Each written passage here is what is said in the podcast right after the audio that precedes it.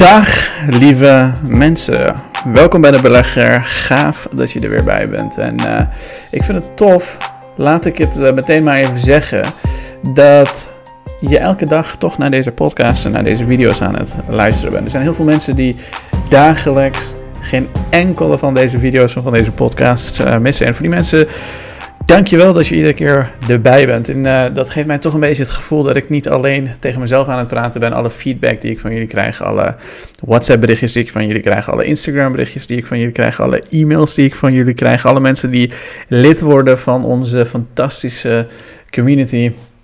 Jongens, ik, uh, ik wil jullie gewoon even bedanken. Gaaf dat jullie er weer bij zijn. En als je er toch even bij bent en je hebt er zin in, laat ook even meteen een like achter voor deze video. En laat ook even een um, review achter als je via de podcast aan het luisteren bent. Dat zou ik ontzettend waarderen als je dat zou willen doen. Dus dankjewel alvast daarvoor.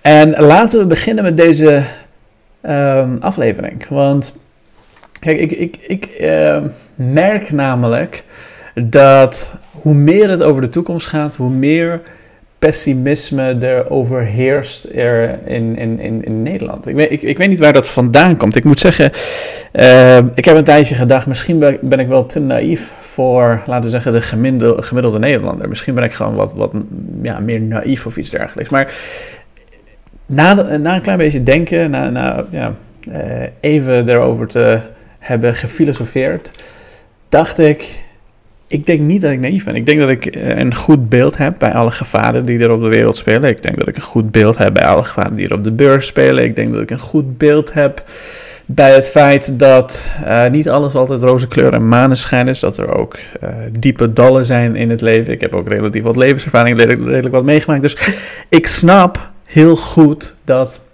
er gevaren zijn. Hè? Dat er heel veel reden is om misschien soms pessimistisch te zijn.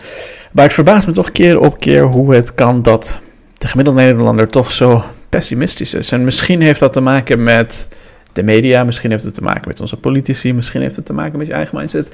Het maakt me niet uit waar het, aan te maken, uh, waar, waar het mee te maken heeft. Ik kijk ontzettend uit als ik uitkijk naar de toekomst. En vooral vanuit een optimistisch gedachtegoed. En als ik heel ver in het verleden kijk, zie ik fantastische dingen uh, die er gebeurd zijn. Er zijn ook heel veel nare dingen gebeurd, maar vooral heel veel fantastische dingen gebeurd. En als ik heel veel vooruit kijk, denk ik dat we alleen nog maar een betere wereld tegemoet gaan. En een van die dingen, een van de dingen wat mij heel erg optimistisch maakt, is natuurlijk uh, AI. En dan zegt iemand, ja jongens, maar AI heeft toch allemaal nare kanten. Bijvoorbeeld Elon Musk heeft gezegd dat AI uh, de menselijkheid zou kunnen wegvagen zoals wij dat, uh, zo, zoals wij dat kennen. En to that I say, inderdaad, dat zou het inderdaad kunnen. Maar dat is met heel veel dingen het geval. Hè? Ik bedoel, ik weet het niet. Ik, ik word ook enthousiast eigenlijk. Ik word ook heel erg uh, hoopvol en optimistisch van de nare kanten van dingen. En dat klinkt misschien een beetje surf, klinkt misschien een beetje raar. Um, maar ik kijk daar gewoon naar uit. Hè? Want als, als er iets gebeurt, iets heel raars gebeurt, laten we zeggen, AI gaat inderdaad uh, uh, de verkeerde kant op en we, we, hebben iets geks gebouwd dat uh, het internet overneemt of whatever doemscenario je ook mogen bedenken. De, laten we zeggen, de, de dollar valt uit elkaar. Uh, Trump komt uh, weer aan de macht en start een oorlog met uh, China. weet ik veel. Bedenk elke doemscenario die je maar kunt bedenken die een, een, een mogelijkheid heeft. Weet ik veel. Alles zou kunnen. de BBB komt aan de macht in, in, in, Nederland, wat overigens heel goed kan als je, als je de Eerste Kamerverkiezingen hebt bekeken. Maar laten we zeggen, het, ma het, het, het, maakt niet uit wat er gebeurt. Ik kijk daar altijd naar uit. Want het is toch weer een nieuw speelveld waarin we het spelletje moeten gaan spelen. Want geloof het of niet, je zal altijd het spelletje moeten spelen. En op dit moment spelen we het spel van artificial intelligence. Vandaag, oftewel vanavond, mag Nvidia Nvidia, die kennen we denk ik allemaal wel inmiddels. Eh, als je naar mijn podcast en mijn video's aan het luisteren bent. Inmiddels kennen we Nvidia denk ik allemaal wel redelijk goed. Nvidia is een bedrijf die de grondlegger is van AI-chips. En uh, sowieso heel veel uh, verschillende chips. Maar vooral AI-chips zonder Nvidia zou, zouden we simpelweg de, de, de ja, vooruitgang die we in het kader van AI hebben geboekt niet eens kunnen boeken. En vandaag gaat Nvidia, ik bedoel, de, de, de, het verhaal om Nvidia het verhaal om AI en het verhaal om, uh, ik bedoel, ik heb gisteren of eergisteren een podcast geüpload en een video waar ik je precies meeneem in wat de, uh, mijn verwachtingen voor AI zijn. Een van de belangrijkste is natuurlijk dat het 7% van uh, uh, de economie met ongeveer 7% zou kunnen gaan groeien volgens een rapport van Goldman Sachs.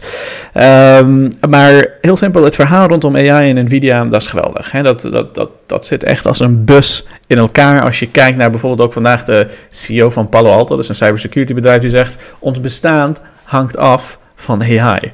En uh, sterker nog, ze hebben een eigen AI gebouwd. Ik zou graag de mythe willen doorbreken dat we onze innovatie hebben laten groeien door M&A, want vrijwel het hele XCSAM product, dat is een AI-gebaseerde product die je cybersecurity voor je regelt, uh, hebben gebouwd. Dat is nu het snelst groeiende platform en het is ons eigen in ons eigen huis ontwikkeld. Ik denk dat we een transformatie gaan doormaken voor Palo Alto Networks, over het algemeen voor de zakelijke software-industrie in de komende 12 tot 24 maanden, terwijl we generatieve AI omarmen. Dat is de echte kans en uitdaging voor ons en ik denk dat er mensen daarbuiten het verkeerd zullen krijgen en hopelijk staan wij aan de goede kant van, van de geschiedenis.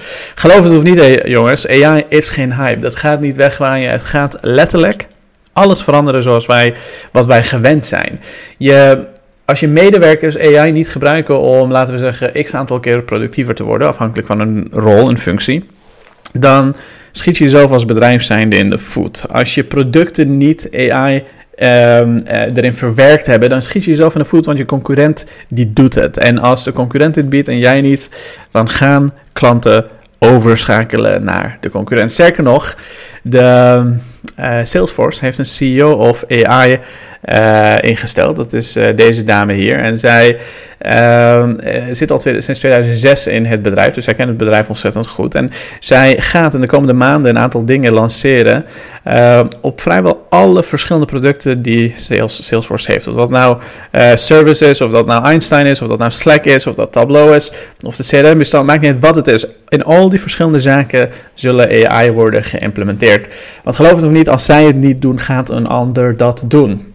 Want het maakt het leven van je klanten simpelweg uh, gemakkelijker. Als jij je e-mail opstellen en je kan met twee prompts een fantastisch e-mail opstellen en je concurrent biedt dat niet, niemand gaat die concurrent gebruiken. Simpel. Uh, hetzelfde geldt voor een CRM. Als daar niet een goede AI tool erachter zit die de juiste dingen op het juiste moment vertelt en ook uh, heel veel dingen voor je uit handen neemt, heel veel dingen automatiseert met behulp van Slack en dergelijke, dan ga je gewoon een hele lastige tijd tegemoet als bedrijf zijn. Dus AI verandert letterlijk alles zoals we dat kennen. En vanavond mag Nvidia bewijzen of dat ook zich op de korte termijn vertaalt in grote winsten voor Nvidia. Ik denk dat dit een. Hopelijk niet, hè? Want ik heb heel veel geld in Nvidia zitten. Hè? heel veel geld. Uh, eh, 53k uh, eh, tot nu toe. Nog een 50k winst uh, overigens. Um, maar ik denk dat ze dit kwartaal niet gigantische cijfers of iets dergelijks neer gaan zetten. Ik, ik heb mijn uh, analyse over Nvidia natuurlijk al gedeeld de vorige keer. Maar ze moeten op zijn minst naar, naar de 3 miljard aan winst om voor mij de waardering uh, te rechtvaardigen. Enigszins te rechtvaardigen. En uh, de verwachting voor dit kwartaal is 1,36. Dus vanaf daar moet het zelfs nog 100% gaan stijgen. Maar zeg nooit nooit, want vorig kwartaal is natuurlijk ook gelukt. Vorig kwartaal heeft de winst van Nvidia heeft een dikke sprong gemaakt van ongeveer 106% eh, kwartaal op kwartaal. Dus het is mogelijk, maar laten we zien of ze het ook daadwerkelijk waarmaken. Wat zou het fantastisch zijn als het uh, ook daadwerkelijk lukt. Dan betekent dus dat al die ja, stijgingen niet gewoon gebakken lucht waren. Niet alleen de verwachting van AI, maar we zien het terug in de omzetten, in de winsten van onder andere Nvidia. Dus ik hoop al met al dat het in ieder geval een, een, interessante uh, uh, vanavond van Nvidia. En dan gaan we door naar Elon Musk. Elon Musk heeft natuurlijk een tijdje geleden, en voor de mensen die mij wat langer volgen, die zullen dat waarschijnlijk al wel weten. Maar Elon Musk heeft een tijd geleden een aanval geopend, eigenlijk een soort oorlog verklaard aan de auto-industrie. Want de manier waarop Elon Musk dat deed, is Elon die loopt natuurlijk ontzettend ver voor als het op elektrische wagens aankomt. Ze hebben gigafactories die zich heel specifiek focussen op het bouwen van elektrische wagens op een hele efficiënte manier. Als je kijkt naar de winstmarges van, uh, um, van Tesla, zijn ze de enige die winst maken op die elektrische auto's. En daarmee zijn ze dus lopen ze ook een aantal jaar voor uh, op, de, op de concurrentie. Want concurrentie kan nog niet op schaal winstgevende auto's produceren. En daarmee kunnen ze dus hun prijzen verlagen. Door een prijs te verlagen verklaren ze de oorlog aan de auto-industrie. Want als de rest het niet doet, dan kiest men nog meer Tesla. Maar doen ze het wel, dan snijden ze simpelweg in hun, in, hun, in, in hun winst. Die ze overigens niet maken, want ze maken verlies. Dus ze maken grotere verliezen. En dat is precies wat je nu aan het zien bent uh, bij Xpeng. In Xpeng heeft simpel. Dit is, dit is niet te geloven, jongens, maar jaar op jaar zijn het aantal auto's dat verkocht zijn met, ja, zullen ongeveer tot en met 39% gaan dalen. Ook de omzet is uh, ongeveer 50% uh, gedaald. En dat zullen we waarschijnlijk ook bij heel veel andere bedrijven zien. En dit is niet onverwacht, hè? dit had ik natuurlijk al heel vaak besproken. En we zien het hier voor onze neuzen gebeuren. Dus al met al een spannende tijd, jongens. Een spannend, spannende wereld. Er is heel veel wat op ons afkomt. Er is heel veel wat er nog uh, gaat gebeuren de komende uh, tijd. En uh, ik hou je hier up-to-date over alles wat jij moet weten als belegger om op de hoogte te blijven. Um, van de laatste ontwikkelingen op de beurs. Dus ik hoop dat dit een beetje interessant voor je was. Ik hoop dat dit, um, ja ik, ik, hoop dat je er wat aan had, laat ik zo zeggen. En als dat zo is, laat even een like achter op deze video. Sterker nog, als je even een comment achterlaat, dan helpt u me daar dubbel mee. Uh, laten we ook even kijken naar wat er in de community allemaal is gezegd. De belegger.nl slash community, ook in de app te vinden. In de app zie je overigens nooit advertenties en dergelijke. Um, in de app is het een stuk overzichtelijker ook. En kan je er ook wat makkelijker bij. Je moet het eigenlijk een beetje zien als een soort social media voor beleggers. Eigenlijk is de app, de belegger-app, is een social media uh, voor beleggers. Uh, zie het maar als een soort Facebook voor beleggers. En, um, want dat is het, daar lijkt het ook op en het is, het is gewoon zo. Um, Nvidia is verkocht door deze persoon, Vira Taga. Uh, 85% winst gepakt. Zie wel naar de cijfers wat er gaat gebeuren. Voordat hij zegt, uh, deel deze visie twee dagen geleden al mijn aandelen. Verkocht wel al vertrouwen in het bedrijf. Maar mijns inzien is dit aandeel nog te, uh, nu toch echt te hoog. En daar heb ik ook een analyse over gedeeld, overigens uitgebreid. Waarin ik ehm, ook onder andere Nvidia uh, waardeer met behulp van AI. ten eerste om aan te tonen hoe krachtig AI is. En ten tweede om ook aan te tonen dat het natuurlijk gigantisch hard uh, gestegen is de afgelopen tijd. En de winst die moet echt, echt, echt grote sprongen maken. Naar die 3, miljard wil je een serieuze waardering voor Nvidia gaan maken. Dus ik begrijp dat deze mensen dat, uh, dat doen. Ik heb ook een klein stukje winst genomen, de rest laat ik. Want ik denk dat het op de lange termijn wel prima gaat, uh, gaat, uh, gaat uitpakken van Nvidia. En wie weet, misschien zijn deze kwartaalcijfers uh, belachelijk ver verrassend. God knows. In ieder geval, heel veel mensen verwachten er heel erg veel van. Um, ik zie dat Toon een um, groep heeft aangemaakt voor Palantir. Die, die was er nog niet, dus uh, dat is top. Ik zie dat uh, Marcel die heeft 40 keer Alphen gekocht en zijn eerste positie genomen in het bedrijf. Dus dat is, dat is hartstikke tof. Dus in de, in de groep bespreek je aankoop. Wart die zegt, stel ik heb 10k om te investeren, ik wil 5 achterhouden. Van die andere 5 wil ik anderhalf tot 2k Aandelenrest ETF. Iemand suggesties voor mooie aandelen? Dat is een goede vraag, Wart. Uh, ik zou nooit uitgaan van suggesties van anderen voor mooie aandelen. Ik zou altijd van je eigen onderzoek uitgaan. En als je benieuwd bent, als je op zoek bent naar inspiratie. En je tikt in in de zoekbalk van de belegger.nl, die zie je hier of in de app. Je tikt in aandeel of uh, whatever. Uh, aandelen. Dan zul je heel veel inspiratie vinden om op onderzoek uit te kunnen gaan. Um, ik zie hier, Julia die zegt, zijn er mensen die gaan instappen in Alfa deze week? Ik heb al een best grote positie. Ik ben nu aan het twijfelen om mijn positie te vergroten of gewoon afwachten. Marcel die zegt zojuist 40 aandelen gekocht.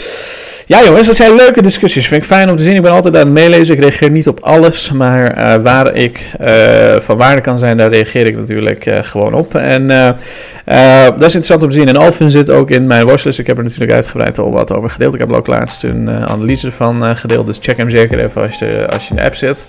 En daarmee wil ik je bedanken voor het kijken vandaag jongens. En ik zie je terug bij de volgende aflevering.